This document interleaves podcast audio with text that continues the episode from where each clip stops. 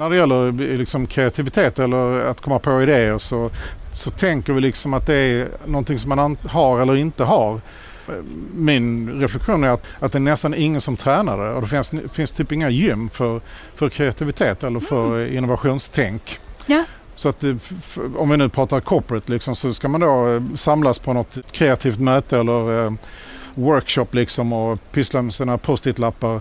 Yeah. Och så kommer man dit lika sur som vanligt och ska man då förväntas komma på fantastiska idéer. Det är ungefär mm. som att någon ska hoppa liksom höjdhopp i OS. Det är inte så att de kommer i taxi direkt från McDonalds liksom bara hoppa utan det är otroligt mycket hoppande för att bli så bra på att hoppa höjd.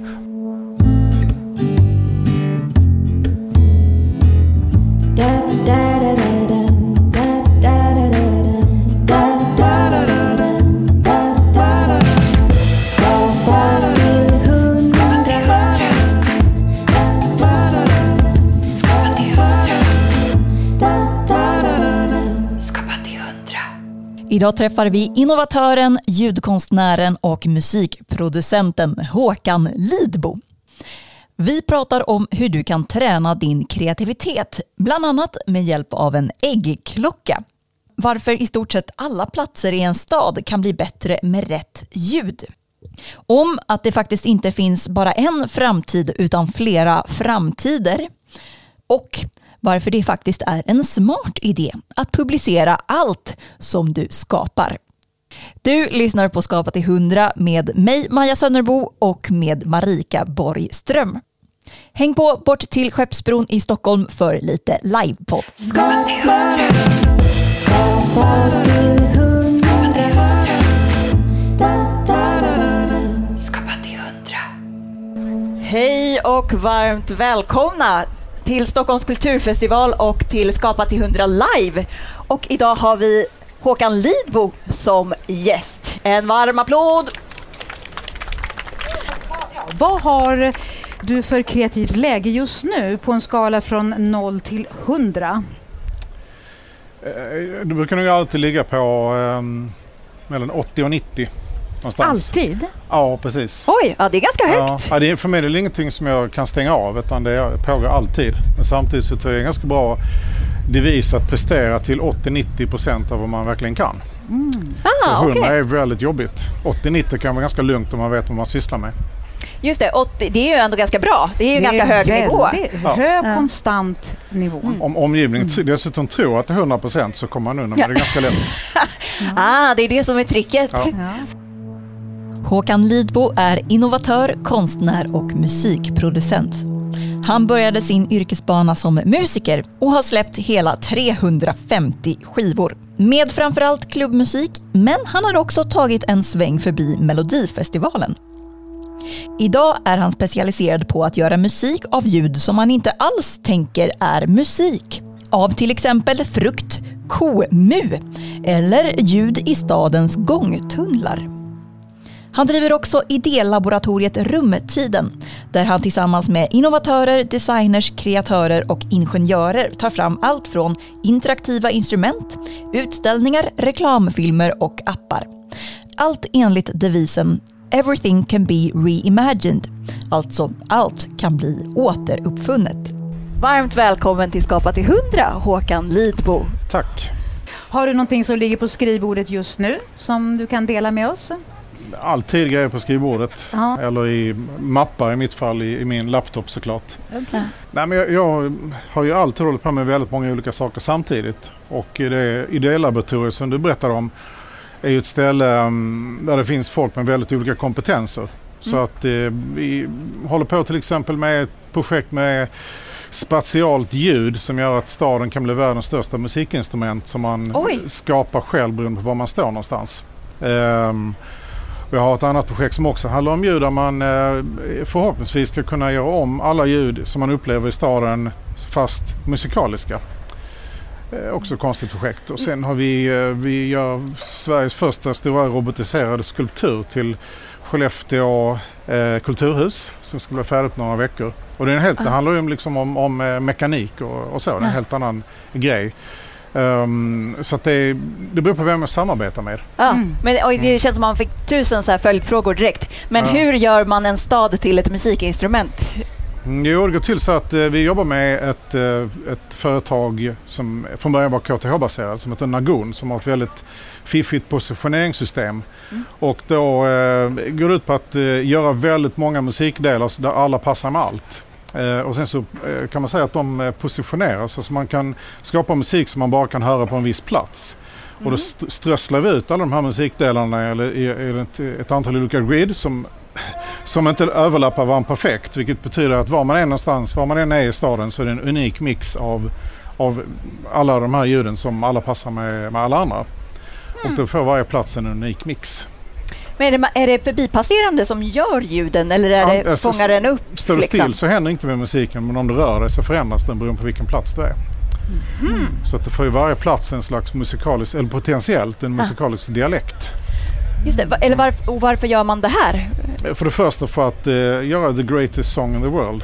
Uh, och det betyder okay. inte att den är bäst för det finns andra, Good Vibration med, med uh, Beach Boys kanske en bättre låt. Men den är inte större. För att ja, man, fyller vi Stockholm så blir det en låt som är flera kvadratmil. Och det Just är, det, störst det, till ytan. Precis, störst till ytan. Mm. Mm. Ska man Men, komma i Guinness rekordbok så får man försöka på något sätt. Eller aldrig bli bästa låten men kan åtminstone försöka göra den största. Ja. ja det, det, känns redan som att vi är inne och tassar på vår nästa fråga. Mm. Eh, just ditt yrke liksom som är ganska speciellt som innovatör och ljudkonstnär, kan man, ska man säga det? Eh, ljud har alltid varit en viktig del av det jag håller på med för att jag tycker att det är viktigt. Att det är kanske ja. det mest underskattade mediet som vi har. Okay. Eh, och musik tycker jag också är sorgligt underskattat. Vi tror att vi har det väldigt mycket men jag tror vi bara liksom skapat på ytan vad man skulle kunna ha det till. Mm. Eh, så därför återkommer jag alltid till det. Just det. Så om du ska beskriva lite, lite kort, eller du får beskriva med fler ord förstås, men här, vad, vad, gör du på jobbet? Ja, det vet jag inte riktigt eh, när jag kommer dit. Utan, eh, jag, eh, vad ska man säga, det finns några principer som jag försöker eh, jobba efter och som jag driver det här idélabbet kring. Och en av dem är att, att inte ha en plan. Oj. Um, för att har man för mycket plan så, så är det liksom bara det man gör. Ja. Um, så, så där, därför vet jag inte riktigt vad jag vad ska du göra. Går till jobbet varje dag och bara, ha, undrar vad som händer idag? Ja, men jag, också att man försöker, um, jag gör också misstaget att tänka att uh, det är de pengar vi tjänar eller den status vi tjänar som gör oss lyckliga. För det finns ju ganska tydliga vetenskapliga belägg på att så är det inte. Mm. Upp till en viss gräns när man liksom har trygghet så man kan betala hyran. Sen så yeah. har man lite mer så att man köper en bil och åker utomlands. Sen så stiger liksom inte lyckan med pengar någonting alls. Så att det är ett fel som nästan alla gör. Mm. Men om man istället värderar den tid som man gör det man allra helst vill göra just då som sitt kapital eller sin, ja, eh, de pengar man, eller det kapital man tjänar så är det ju mycket smartare. För att mm. alla är överens om att det är, ju, det är det som vi värdesätter. Och hur fungerar eh, de som kommer till er laboratoriet? Mm. Är det mun till mun? Är det projekt som du bjuder in? Eller kan det vara en, en kompositör, kreatör som hör av sig till dig? Eller hur, hur, hur, hur sker det där om man liksom inte har en plan? Eller du, hur... Det finns väl en liten tanke såklart. Men, ja, det finns en ja. tanke men kanske ja. ingen plan. Nej. Ehm, Intressant, ehm, eller hur? Ja, precis. Nej, jag tror att överhuvudtaget, nu är vi inne på ett annat spår, men i princip alla organisationer bygger på eh, någon slags pyramidstruktur. Det finns en chef och så finns det underhuggare och så finns det fotfolket. Eh, och sen, så finns det mer eller mindre platta organisationer men nästan alltid över en viss storlek så söker man en kugge som gör en viss grej. Mm. Och då ska man liksom hitta en person som passar eh, behovet i företaget eller i organisationen. Men eh, jag tänker om, ett, om man ser en organisation mer som gelé så man stoppar in någonting så, så liksom ändras formen på företaget vad man mm. gör. Så därför tycker jag, vill jag insistera på att vi inte har en plan utan det beror på vem, vem, vem vi är. Liksom. och eh, hos mig så folk kommer och går. Um, så jag vet faktiskt inte vad vi ska göra. Ni mm. dallrar framåt liksom i den här gelékonstellationen. För jag antar ja, att ni då lever som du, tänk, alltså som du tänker att ni har den geléorganisationsschemat, eh, liksom, eller vad man ska säga. Ja, inte för att det, är, att det är uttänkt eller att det finns en teori bakom det. Men det finns, finns ändå en tanke på... Um, så jag har ju, som vi småsnackade om här tidigare förut, att jag har i princip ingen akademi, akademisk skolning alls. Utan jag har bara, jag bara, som konstnär så har jag funderat på många saker. Uh, och har egentligen inte svaret på hur det skulle kunna vara istället. Men jag har ju aldrig haft ett riktigt jobb. Um, För att jag står inte ut med det. Okay. det är väldigt svårt att bli tillsagd och liksom vara den där kuggen. Liksom. Ja. Uh, så att mig passar det inte och jag tror väldigt, många av mina kollegor passar det inte heller. Utan då är det, mm. är det mycket trevligare att eh, liksom drivas av nyfikenhet och så än att eh, ha en alltför tydlig plan. Mm. Sen självklart så måste jag betala hyran och, och sådär också men eh, eh, tillväxt och eh, liksom avkastning det är inte det som är nummer ett utan det är hur, hur mycket tid som vi tillbringar där gör vi det, det vi helst vill göra just nu. Det är vårt kapital. Skapa till hundra. För du är i grunden musiker och musikproducent. Ja. Och då lärde du dig det själv, eller? Ja, det gjorde jag. Alltså jag lärde mig spela piano när jag var liten av en pianolärare och så. Så jag kan ju lite musikteori och sådär som jag ska hitta på lite jazzackord så kan jag väl hitta på det men jag har inte riktigt teorin bakom Nej. mig. Uh, men däremot med musik så uh, musik används ju väldigt ofta som uh, en symbol eller som, som metafor när, när man pratar om samarbete och, och kreativitet. det eller idrott. Um, mm. Att man tillsammans liksom, så, så blir det någonting som är någonting som är större. Så jag tror att eh, eh, det är inte helt tokigt att ha musikalisk bakgrund vad man än ska göra för att man lär sig väldigt mycket om hur man, hur man jobbar med andra och hur man tar någonting från en idé till, till verklighet. Ja. Um, jag menar, jag, till exempel, jag har, ingen, jag har som sagt ingen utbildning men jag tycker det är ganska spännande med arkitektur. Och det är delvis för att det är på något sätt motsats till musik. För att får en arkitekt en idé så om man har tur så finns det ett hus om tio år. Om man improviserar så kanske det dyker upp en idé och sen så en nanosekund senare så, så har melodin dykt så upp. Så har man musiken liksom? Precis, ja. så det är väldigt, väldigt kort eh, avstånd. Mm. Och anledningen att jag jobbat mycket med elektronisk musik det är just att med datorns hjälp så kan jag göra en en låt färdig väldigt snabbt. Och som du sa så har jag gjort ganska många låtar också. Ja, det känns ju... Alltså 300, för är det sant? Ja, är det, det, har du världsrekord? Ja, det är fler. Det det. Vi ska lyssna på en, en av dina låtar så, får vi, så vi får lite alltså. hum om... En liten snutt bara, inte hela låten. Ja, vad har du valt då?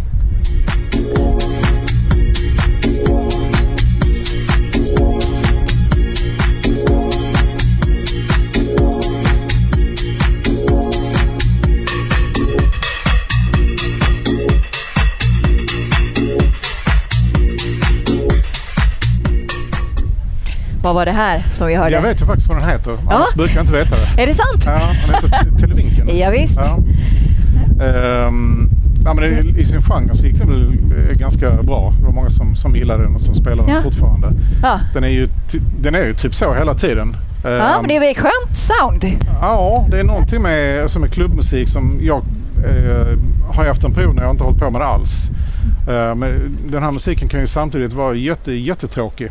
Men om man spelar i väldigt bra högtalare på rätt klubb så är det världens bästa musik samtidigt. Så det gäller att välja tillfället. Just det, det är som eh, ja, precis, rätt plats till rätt ljud helt enkelt. Ja. Men, men liksom, hur lyckades du skapa så otroligt mycket musik? Alltså 350 skivor, alltså det känns som att i bästa fall så släpper en artist en skiva per år, tänker mm. man. Eller? Jag har tränat. Du har tränat? Okej, okay, ja. berätta om det. Det låter ju jättespännande. Nej, men alltså, i, eh, när det gäller liksom kreativitet eller att komma på idéer så, så tänker vi liksom att det är någonting som man har eller inte har. Eller något som man måste på något sätt. Eller tyvärr har det blivit någonting som man mer måste på något sätt. Det ingår i, ja, vi använder ordet väldigt, väldigt slarvigt tycker jag.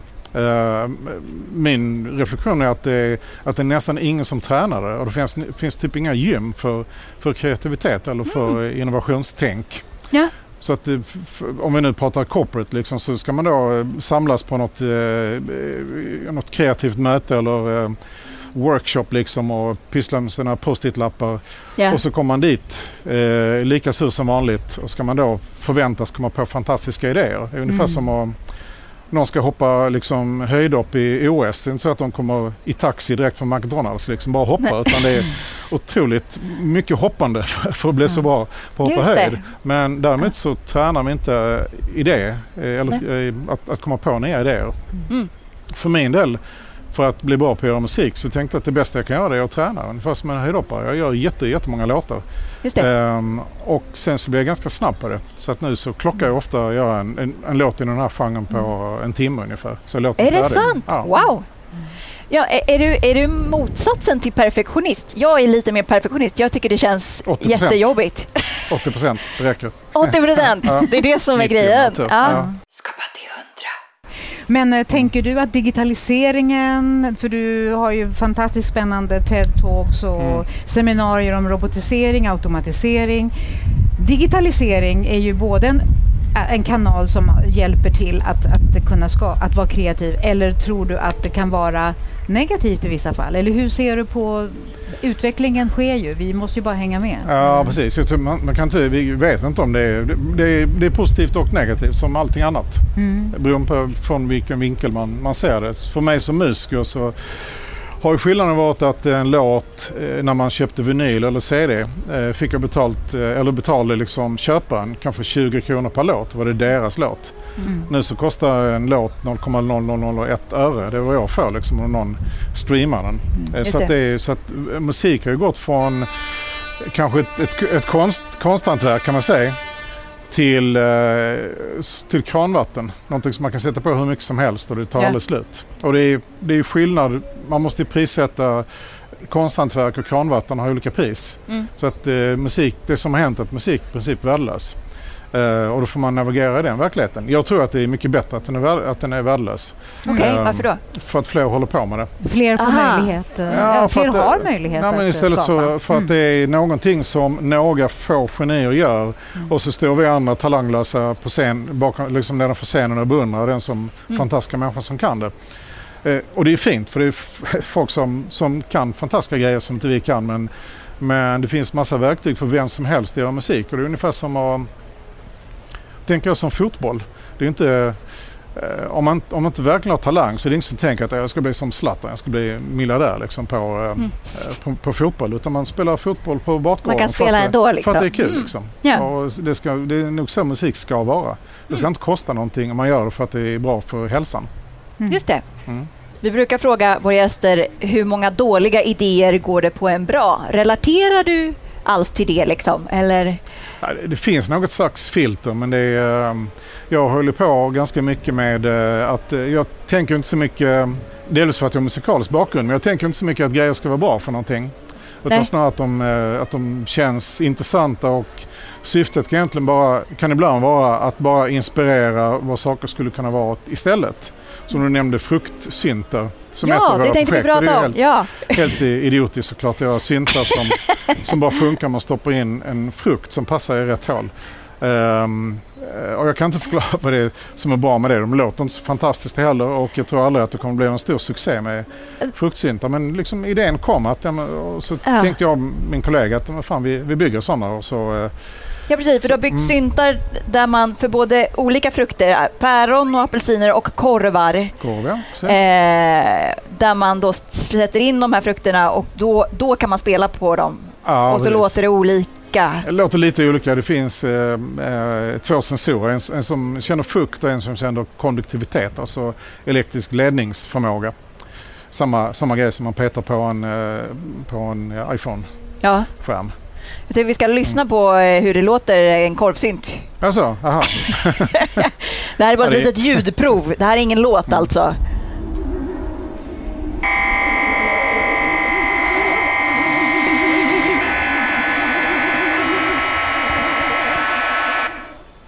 Ja, det lät ju ingen vidare. Nej, men Nej. man skulle kunna göra. Visst skulle Precis. man kunna bygga vidare. Eller liksom, är, det, är det bara på kul att man bygger en korvsynt? Eller är det en metod liksom, där man vill uppnå något? Det, det, ja, det, det, är också det är en poäng med det. Ja? Eh, det finns ett mer liksom akademiskt namn på det som heter design fiction. Att man des, designar föremål i vår värld som ska inspirera till vad de skulle kunna vara i framtiden. Okay. Eh, och jag, nu tror jag återigen, jag tror inte mycket på fruktsyntarnas framtid men, men eh, däremot en reflektion om någon skulle sagt för, för liksom 15 år sedan att vad är det viktigaste i många människors liv idag? Jo, det är liksom att, eh, att dokumentera sitt eget liv på Insta och så fotar man sin mat och så fotograferar man sina nya, sina nya skor och sin katt och sådär. Och så lägger man ut det så väntar på hur många tummar som man då får, får för det. Och det är det viktigaste i mitt liv. Så skulle de säga, vadå, varför skulle någon överhuvudtaget vilja göra det? Och nu vill typ nu vill hela västvärlden göra det. Och det, på samma sätt som om 10-15 år så kan inte vi ens föreställa oss vilken idiotisk grej mm. folk kommer tycka är det viktigaste i deras liv. Men det kommer, det kommer vara jättedumt. Mm. så det är någon slags upptäcktsfärd liksom i vad skulle kunna vara något som vi inte ens kan tänka oss är viktigt i framtiden. Och då Precis. hittar man på massa olika grejer. Ja. Jag tror överhuvudtaget att vi, eh, alltså eh, rent så som universum funkar så kan vi inte förutspå framtiden. Men däremot så kan man eh, ehm, så liksom, man kan ju liksom föreställa sig eller man kan fantisera eller man kan extrapolera ungefär som en vi pratar om vädret här idag. Hoppas att det inte kommer att regna. Men de sa tidigare idag att det inte skulle regna just nu. Men de, man vet ju inte säkert utan det är liksom en bedömning av, av alla luftmolekyler som rör sig hit och dit. Och eh, givet det så har vi så här många procent chans att det ska regna eller inte regna. Är, mm. och, och på samma sätt så kan vi liksom förlänga det som har hänt och, och gissa oss till någon slags möjlig framtid. Vi gör, för det första gör vi nästan alltid misstaget att säga framtiden. Vad är framtiden? Det, men så som det funkar så är det framtiderna hur många som helst. Jaha, eller för det är. finns massa valmöjligheter hela tiden? Det finns en massa ja. olika framtider. Mm. Det är så, så det funkar. Mm. Um, men det, på samma sätt som jag tänker att om man um, vårt, vårt synfält, om man håller ut händerna så här en bit utanför kroppen så någonstans så ser man inte längre för att vi, mm. vi ser liksom en eh, ja, med våra ögonglober så ser vi liksom ett, eh, som en eh, kupol framför oss. Men bakom oss på något konstigt sätt, även om vi vet vad som finns bakom så är det liksom bara en slags grå massa för vår, vår mm. sinne, vårt sinne tar slut där. Och på samma sätt så kan vi, eh, liksom, vi kan lära oss av historien, vi kan minnas vår egen, det vi upplevt och vi kan eh, känna det som händer just nu men sen stopp för allt mm. som gäller framtiden. Och så finns det till exempel Elon Musk om man, eh, som är uppenbarligen en smart person men som med någon slags diagnos säkert men som beskriver att han, han ser framtiden som grenar på ett träd. Som de olika framtider, som olika bärighet då. Liksom. Att mm. de första Tesla-modellen funkar så kan det här hända. Och om den floppar så okej, okay, då får ta en annan gren. Och till slut så kanske det är en gren som leder till Mars. Men det är inte alls säkert utan det har med grenars tjocklek att göra. Mm. Ungefär som en eh, ekorre som springer ut på ett träd så gör den blixtsnabba beslut vilken gren som är den bästa. Just det, så man mm. behöver för att lyckas också eller må bra, vad, man nu, vad nu ens mål är i framtiden, så måste man ha liksom det här olika grenar-perspektivet. Så då kan man liksom byta lite sen utefter hur det utvecklar sig? Typ. Jag tror man kan träna det. Ja. Mm. Det, är det, det, är det som är min eh, fundering. Att ja. det, det, måste ju gå. Jag tänkte mm. utifrån, du har ju helt fantastiskt många olika mm. liksom, uppfinningar och projekt. Det är liksom, ja, det, man, man beundrar, eller jag beundrar din produktivitet verkligen. Dels tycker jag att det är intressant med de här fruktsyntarna och det som är olika spel som känns så här otroligt mycket lek och inte så mycket så här praktisk funktion direkt.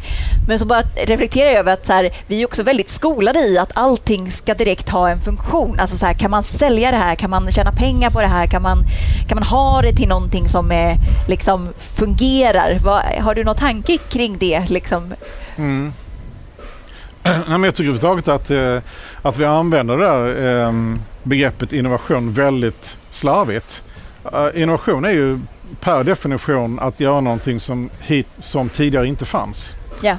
Men vi använder det ungefär som att eh, ja, ett, en organisation ska liksom, eh, de ska gå över, tjänsten ska finnas på en app.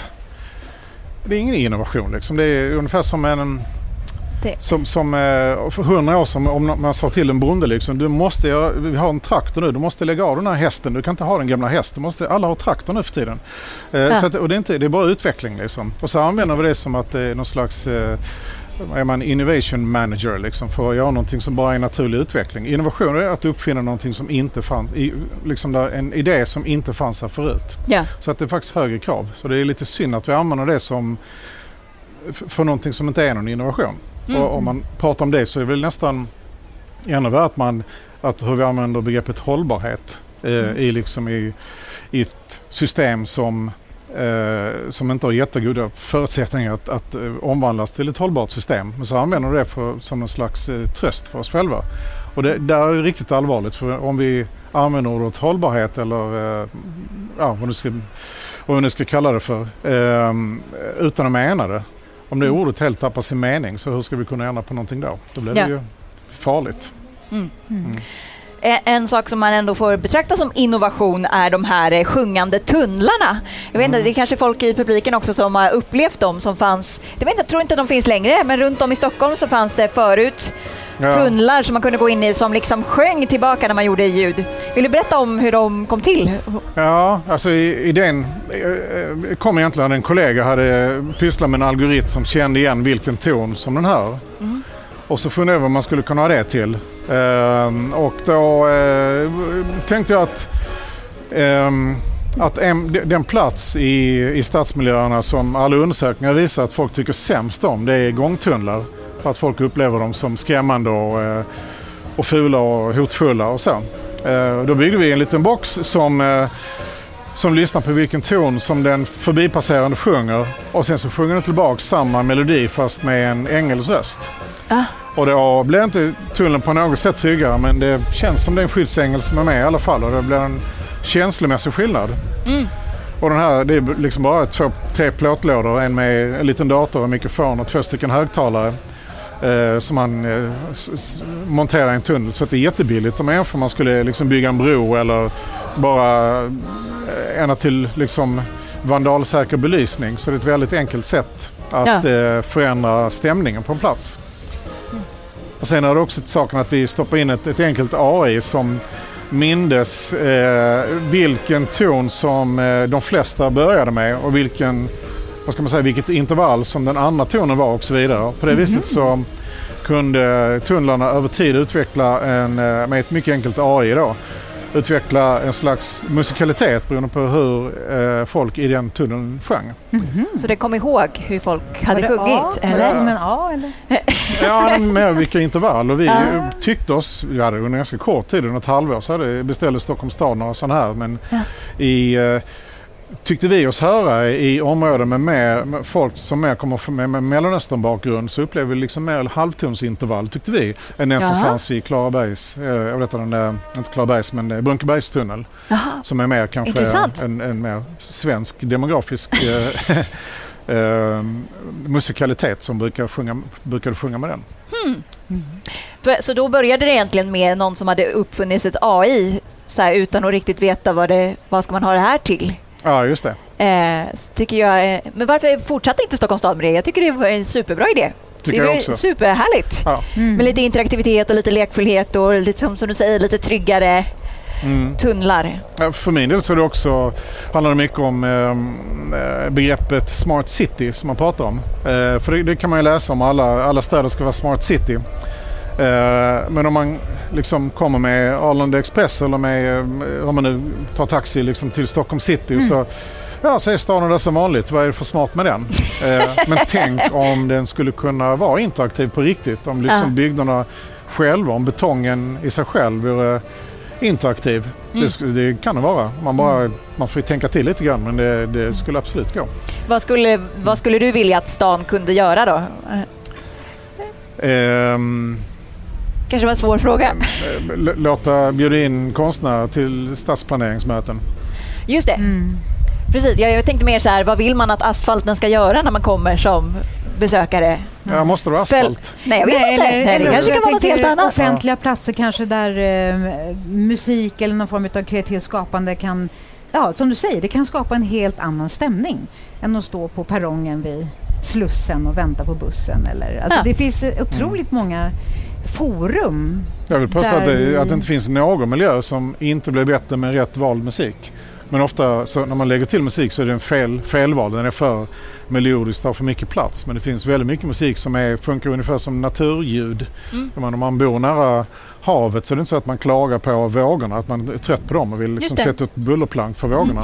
Mm. eh, för att det är därför man, det är därför man har betalt ah, just det, massa för pengar det är härliga, för det härliga ljud liksom. Ja, Um, och gör man musik som tar lika lite plats eller så funkar som, som uh, naturens ljud mm. så tröttnar man inte på den. Uh, så att det går alldeles utmärkt att musiklägga allting och allting blir bättre med, med rätt ljudläggning eller, eller rätt musik. Det mm. står jag fast vid. Jag tänker på det Håkan, som, som barn. Har du alltid varit den här kreativa... Eh, alltså, hade du alltid idéer? Vem var du som barn? Har det här följt med dig och legat så konstant på 80-90% kreativitet i förhållande ja. till dina kompisar till exempel? Eh, det, eller har du... Nej, det, jag har nu, det är för att jag har tränat eh, ganska mycket. Exakt. Så att jag, eh, det, har, det blir mer och mer. Men du bestämde dig för att börja träna som vuxen när du insåg vad du ville jobba med och så? Nå, nej, men jag vet ju att jag har väl kanske, jag vet inte om jag har någon ADHD eller sådär men jag, det har jag säkert. Det har väl nästan alla som, som gör något. Eh, Kreativt? Ja, precis. eller, eller forskar. Ja. Eh, så har man någon typ av diagnos tror jag. Mm. Eller om man, om man inte är nöjd med hur saker och ting är utan är nyfiken på hur, vad det skulle kunna vara. Mm. Eh, så tror jag att det är, är nästan en förutsättning eller att det verkligen hjälper. Um, nej men annars så um, Eh, nej, så som sagt, jag har inte haft något riktigt eh, jobb någonsin nästan. Jag har i princip aldrig... Jag har gått en, en och en halv termin på universitetet så, så att jag, mm. jag tröttnar väldigt, väldigt lätt uttråkad. Så kan man Just säga. Ja. Eh, men tyckte du mm. skolan var jobbig då eller? Ja, tyckte mm. jag. Ja. Eh, och intressant. Jag, menar, jag läser naturvetenskapligt gymnasium och så för jag tycker sånt är spännande. Men det, det var väldigt tråkigt. Mm. Um, mm. Och det är väl mycket det jag håller på med. Det handlar just om kampen mot det tråkiga. För jag, jag tror det är ett misstag att det måste vara tråkigt. Och yeah. Skolan sysslar jag... Um, Ja, alltså, å ena sidan är det fantastiskt att, att alla får samma möjligheter att lära sig. Så är det ju. Men samtidigt så är det också ett certifikat att man kan sitta still och eh, bara räcka upp handen när man har någonting att säga och, och, ja. och liksom foga sig i leden så att man kan få ett jobb. För då, då, måste man, då kan man inte hålla på och slänga ur sig det hur som helst för så funkar inte jobb. Nej. Nej men precis. Mm. När du föreläser en hel del om att vi har liksom lite mer så kreativitetsdödande upplägg på både, i både skolor och på arbetsplatser. Ja. Eh, vill du berätta mer om det? Nej, men så det, det är ganska vederlagt. Jag, vi, jag och kollegor var med och bidrog till en utställning som är på något som heter Center for Life i Newcastle just nu. Som, och den utgår från en undersökning i England där man då över tid har kartlagt hur eh, barn i olika åldrar, hur de upplever sig själva som kreativa. Det går ner hela tiden. Så att barn i allt lägre åldrar upplever sig som mindre kreativa. Jaha, okej. Okay. Eh, som i, i självbilden, att självbilden, jag är ja, kreativ? Ja. ja. Och det är klart, ska man börja spela trummor och det finns någon som är fyra och spelar jättebra trummor på Youtube så det är klart, att det är ju, varför ska jag börja traggla mm, för det är svårt det. det där. Mm. Um, det är ju uh, väldigt sorgligt. Ja, det är det. Och det är mm. säkert föräldrarna som projicerar på sina barn också. Mm. Uh, men det, jag tror det är någonting som vi, måste, som vi måste kolla på. För jag tror att ett, uh, varje bra samhälle måste ha kreativa människor och måste ha en rik kultur för annars blir det inget bra. Mm. Mm. Ja, du har sagt att du tycker att fantasi är den en minst utnyttjade, utnyttjade naturresursen som vi har. Ja, vill jag säga. Är det för att vi alldeles för få använder sin kreativitet eller utvecklar den? Eller? Ja, men för att ingen tränar, tror Nej. jag. Eh, och hur och, och tränar ingen, man? Ingen får lära sig i skolan ja. heller. Um, hur tränar man? Hur tränar du? Oj! Nu regnar det. Nu du! Mm. Nu kommer det! Nu ja. kommer det störtskuren. Vad var? Här. Nej, var satte vi det? Här. Det var mitt. Där. Precis, några festivalproffs har paraplyer med sig. Mm. Har varit med förr. nu får vi en liten poddkoja här. Ja. Och ett ganska mysigt ljud också med det här ja, ploppandet på exakt. papperna. På tal om härliga ljud ja. så är ju paraplyljud ganska mysiga. Ja. Får vi, vad var vi? Vad, vad pratade vi om? Jo, men du ska berätta om hur man tränar sin fantasi. Nej, men till exempel eh, anledningen att jag har gjort väldigt mycket musik och under en period när musiken var mitt yrke så släppte jag jämfört med andra väldigt, väldigt många skivor. Ja. Ehm, och, och, det är just för att jag tränade med en äggklocka, liksom att få någonting färdigt på en timme. Och okay. att, wow. att, att, att, leverera, eller se till att det jag gjorde på 80-90% kapacitet var så bra så att folk trodde att det var 100. um, okay. Och, det, och, gick det, och det, blev gick det ganska fort. Ja. Um, och det är inte så mycket tid att tänka. Och sen också så tankegrejer, liksom, vem är det i, när det gäller musik, vem, vem ska göra vad? Um, om jag ser min roll som den som producerar musik så, och på det, och det musikexemplet du spelar där är ju eh, någon typ av klubbmusik. Men det är inte jag som är DJ utan det, det, det är ju de som ska berätta om de vill köpa skivan eller inte. Det är inte mitt jobb på något sätt. Så därför så försökte jag låta bli att vara självkritisk. Att, eh, just, om någon ville släppa den musiken så tyckte jag det var en bra idé.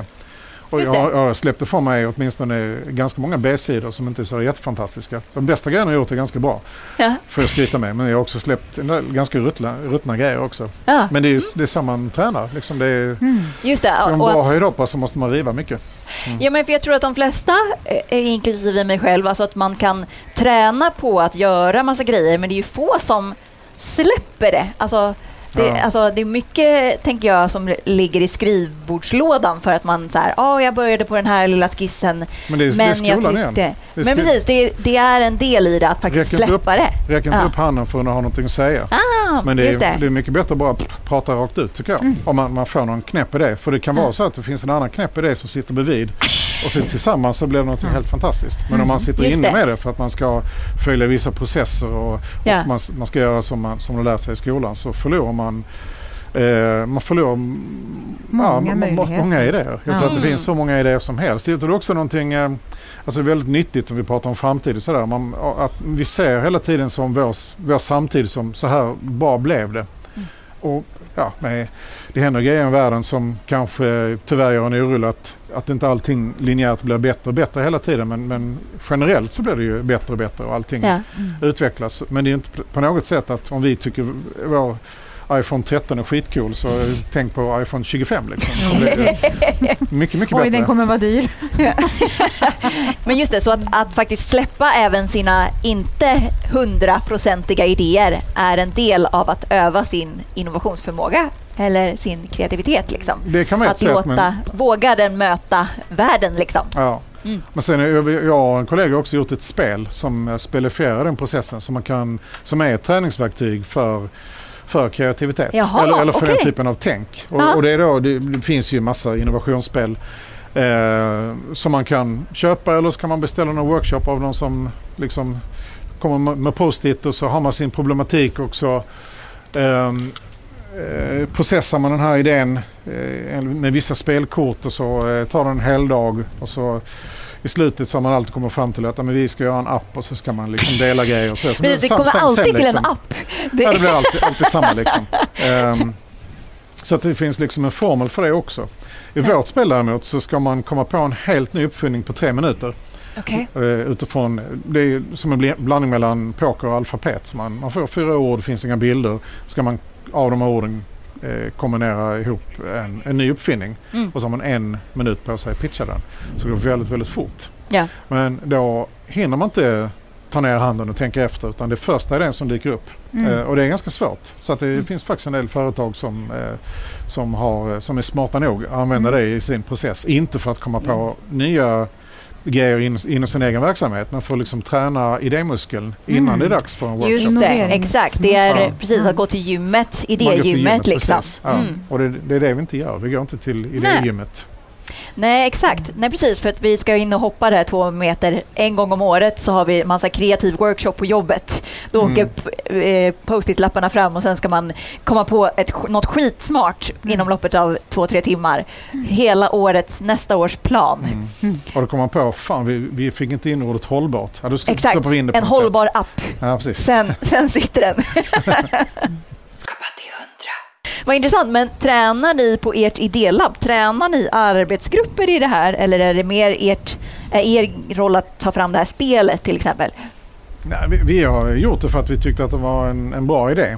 Ehm, och sen visade det sig att det var en väldigt, inte bara bra utan en väldigt rolig också. Väldigt mm. mysigt sätt att umgås med smarta likasinnade människor. Och, eh, och ibland har vi använt det för att um, vi hade en, alltså bara för att vi tyckte att det var intressant, eh, eh, olika människor som i vårt nätverk som har ursprung i länder som är väldigt korrumperade. Så vi hade en, en sån här bara social afton där vi försökte spela spel och fundera kring om det finns sätt att komma kring låsningen i korrumperade länder utan de som redan är korrumperade står med byxorna nere. Vilket, jag vet inte om vi kommer fram till någonting men eh, det var ett, ett sätt att göra. Och Volvos innovationsgrupp vet jag har det i sin också som ett uppvärmningsverktyg och sådär. Så att det kan användas på olika, olika sätt. Du har ju sagt att fantasi är den minst utnyttjade naturresursen som vi har. Mm. Det är en otroligt spännande saying. Vad, kan du berätta lite om tankarna där? Nej, jag bara föreställer mig om det finns vissa personer som som bara verkar vara fulla av fantasi. Om det är, om det är Elon Musk eller om det är Picasso eller vem det nu kan vara. Liksom. Så, eh, en del har det och en del har det inte. Eh, det är inte så att eh, vad ska man säga, Schwarzenegger fick en otroligt snygg kropp bara av sig Nej. själv utan det, det var ganska mycket jobb att komma dit. Mm. Så jag tror att bara för att vi har någon, har någon idé, eller tror att vi, vi har inte verktygen och vi har inte kulturen att träna vårt tänkande på det viset. För att vi, ehm, för vi har inte haft ett sånt samhälle. Nej. Utan vi har haft liksom ett, ett ja, en slags lydsamhälle eller att vikten av att göra sin plikt har alltid varit det som styrt eh, mm. samhället. Men vi, vi, är på väg in till någonting nytt nu. Mm. Där det är, ehm, där det är vad ska man säga, många krafter som, som gör att vi eh, kanske blir lite mindre människor på något sätt. Mm. Eh, som ett pris för att vi är så ihopkopplade och har all den bekvämligheten som, som vi har nu. Um, och i det så tror jag det är, är väldigt viktigt att vi... Att, jag, jag tror självklart att det är det som är människans ursprungliga natur. Det som uh, liksom att inte räcka upp handen och så. Det är, något, det är, liksom en, det är, det är en kultur som vi skaffat genom Menar du att vi rör oss från det? Liksom? Att vi... ja, men, eh, alltså, jag, tror, eh, jag tror att jägare samlar människor innan vi blir civiliserade. Ja. Tror jag, eh, eller, jag vet inte om det stämmer, det har debatterats men det sägs att de har, hade en 20% större hjärna än vad vi har.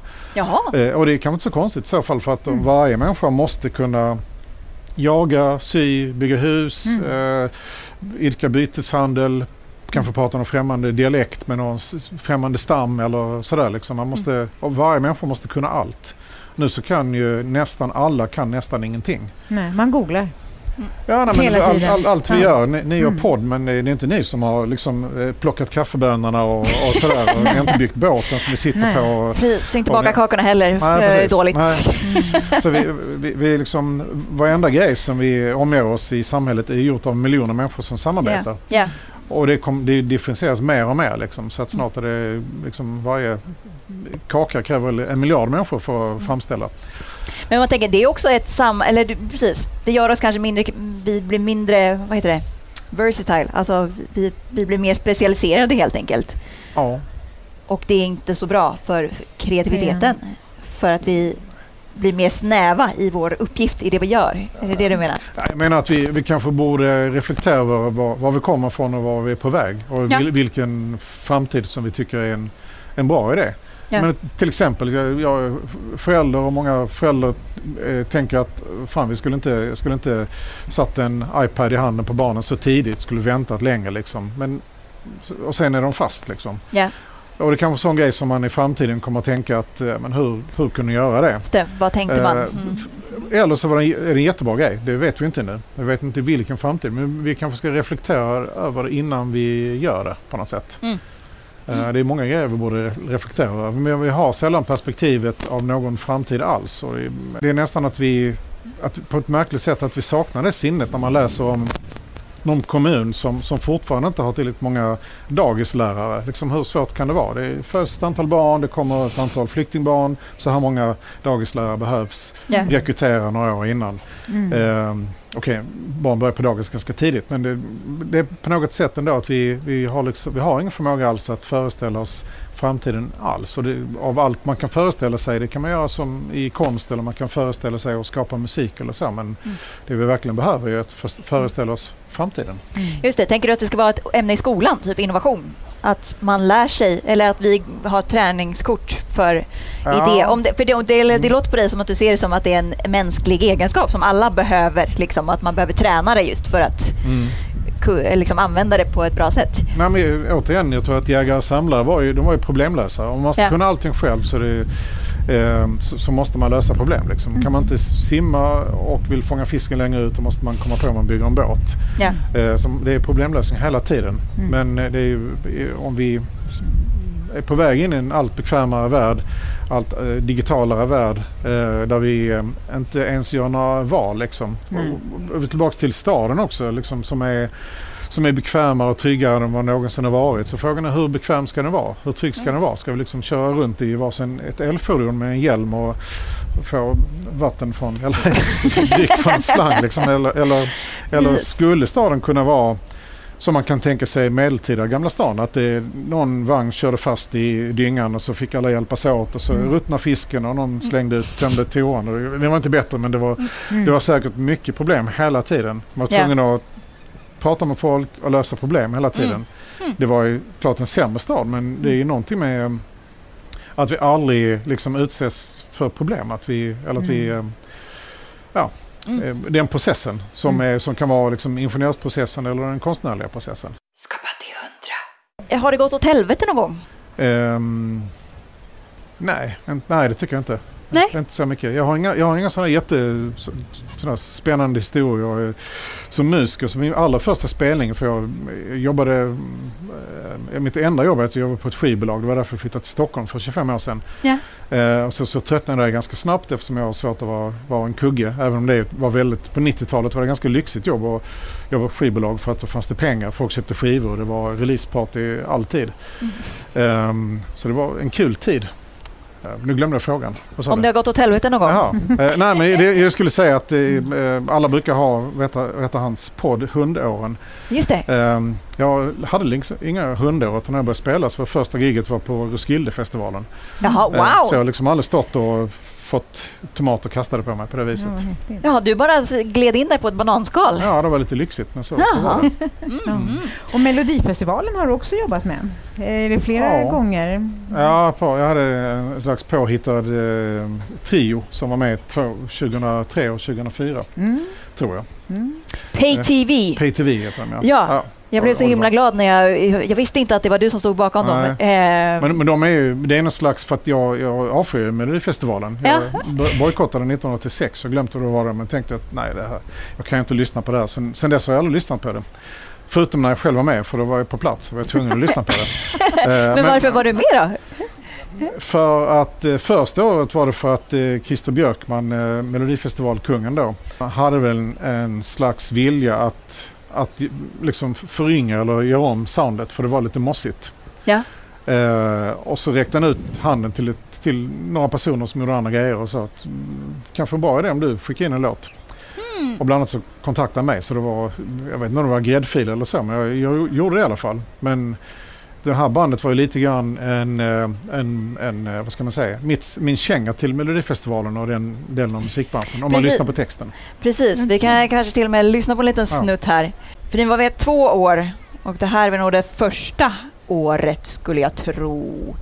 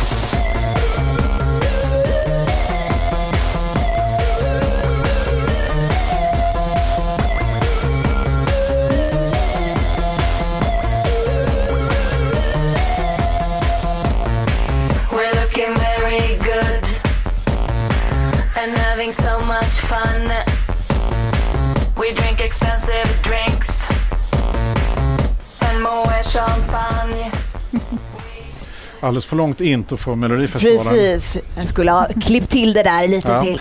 Trendy Discotech Just det. heter det. Ja men precis, L lite ironisk text får man, uppfattar man. Ja, jo, precis. Och sen följande år så var det samma trio som hade en låt som heter Refrain Refrain. Som, eh, där låten, refrängen går refräng. Just det, man refrain, refrain, ja. refrain. Och själva texten är ett recept på hur man gör en, en slags hit. Ja. Så att det var, um, ja, det, konstigt koncept. Men ehm, för mig var det just att uh, i och med att jag ogillar Melodifestivalen så mycket så kändes antingen kan jag säga liksom fuck you Christer Björkman eller så kan jag tänka att okej okay, det här är en utmaning så det, det här blir svårt. Just Men det, göra något kreativt Hur kan jag göra någonting det? här fast ja. som är bra? Ja. Och jag tycker det är, ganska bra. Ja, jag tycker det är svinbra. Jag hade mm. refrain refrain hade jag mina träningspass alltså. back in the day när, när, mm. när, när ni kom. Skapa du som liksom har ägnat ditt yrkesliv åt att hitta på grejer. Finns det något som du är extra nöjd eller stolt över att du har tänkt ut? Um, jag tycker den här, det som du nämnde, Singing Tunnels, de sjungande tunnlarna, tycker jag, är, jag tycker den är, är bra för att det är många grejer samtidigt. Eh, att det är ett slags musikinstrument med, och sen så är det någon typ av stadsplanering. Men sen så är det också en annan grej, en, en, någon slags inspiration hoppas jag, vad staden skulle kunna vara. Eh, och ibland så kan man göra grejer som, som där syftet egentligen bara är att inspirera andra att komma på nya tankar. Eh, men överhuvudtaget så är det, kan man göra projekt som är, som är många grejer samtidigt. Mm. Tyvärr fruktsyntarna gör inte mycket mer än att man, man, kan spela på dem och så förstör man frukten så man måste äta dem. Men eh, om det skulle kunna kombinera det med någonting annat så, Precis. så vore det bra. Det är en sån mm. idé som du har skickat ut så någon annan kan tänka vidare på hur man ska använda fruktsyntarna. Ja, precis. Jag är inte riktigt färdig där. ja. Just nu håller vi på med ett projekt i uh, Kenya. Med, tillsammans med någonting som motsvarar Skansen kan man säga. I, det heter Bomas of Kenya som är ett kulturcenter. De ska bygga en ny avdelning som handlar just om musikkulturarv. Eh, det är ett stort land indelat i antal åtta regioner som alla har sin egen, sin egen kultur. Liksom. Eh, som är otroligt färgstark och spännande och så. Och så har jag en kompis där nere som är väldigt intresserad av det och väldigt kunnig. Så att vi, eh, eller han då, åker runt och spelar in musik som håller på, som riskerar eh, det, utrotningshotad musik. Jaha, oj! Som, eh, ja, om, om det går 20-30 år till och sista gubben eller tanten dör så det är ingen som vet hur man, hur man bygger instrumentet, hur man spelar på det, vilka historier som, hur man dansar och sådär. Så eh, spelar ni in det och sen så, eh, vad ska man säga, så har vi byggt en slags uppfinning där man då eh, kan ta varje instrument som, eh, och eh, styra det ungefär på en mixer när man mixar musik. Fast med ett slags träblock. Och så är det en, en optisk kod på det så man placerar det på ett bord och sen så kan man då flytta runt det och vrida på det. Skapa olika loopar eh, och effekter och, och, och sådär. Eh, så att det, det, är bara kul att leka med ljuden men samtidigt så lär man sig någonting om den, den, liksom, den här musiken som annars skulle försvinna. Och skulle man göra det på ett vanligt sätt med någon liksom, etnolog skulle spela in det och arkivera det och vilket de resurserna finns för det första inte i Kenya. Vi har ju musikarkiv och vi har folk som forskar i det och sådär. Så att eh, de visor som finns att uppta i Hälsingland så är det, någon, det är alltid någon som har spelat in det liksom. Ja. Men det finns ju inte där och urbaniseringen går väldigt mycket snabbare än här. Mm.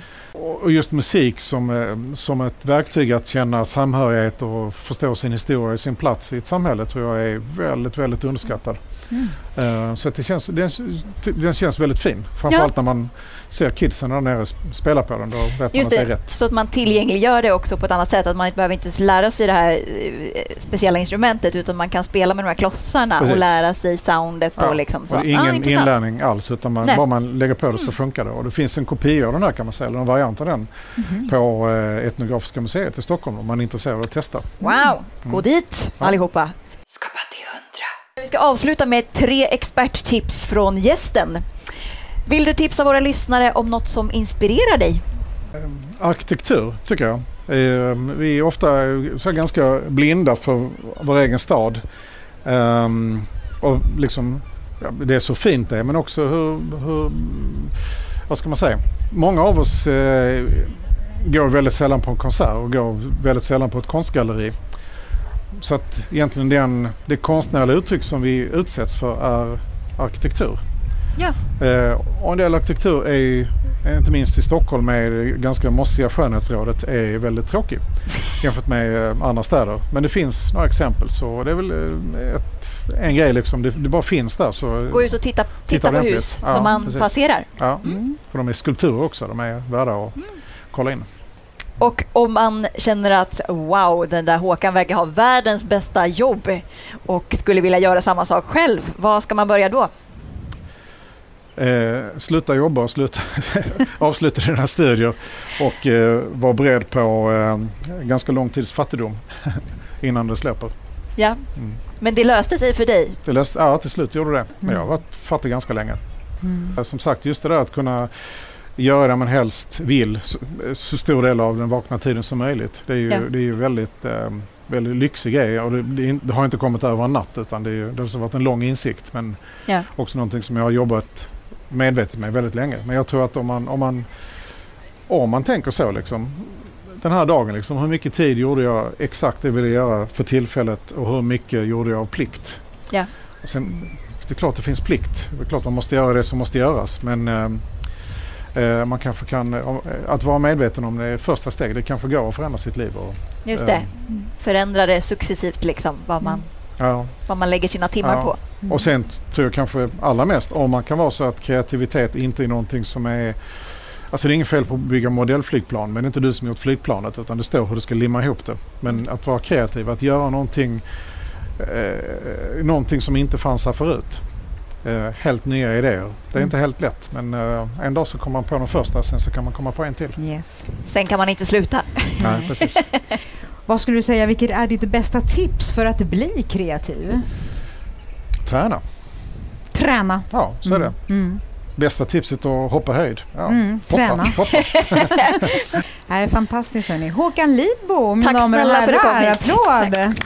Skapa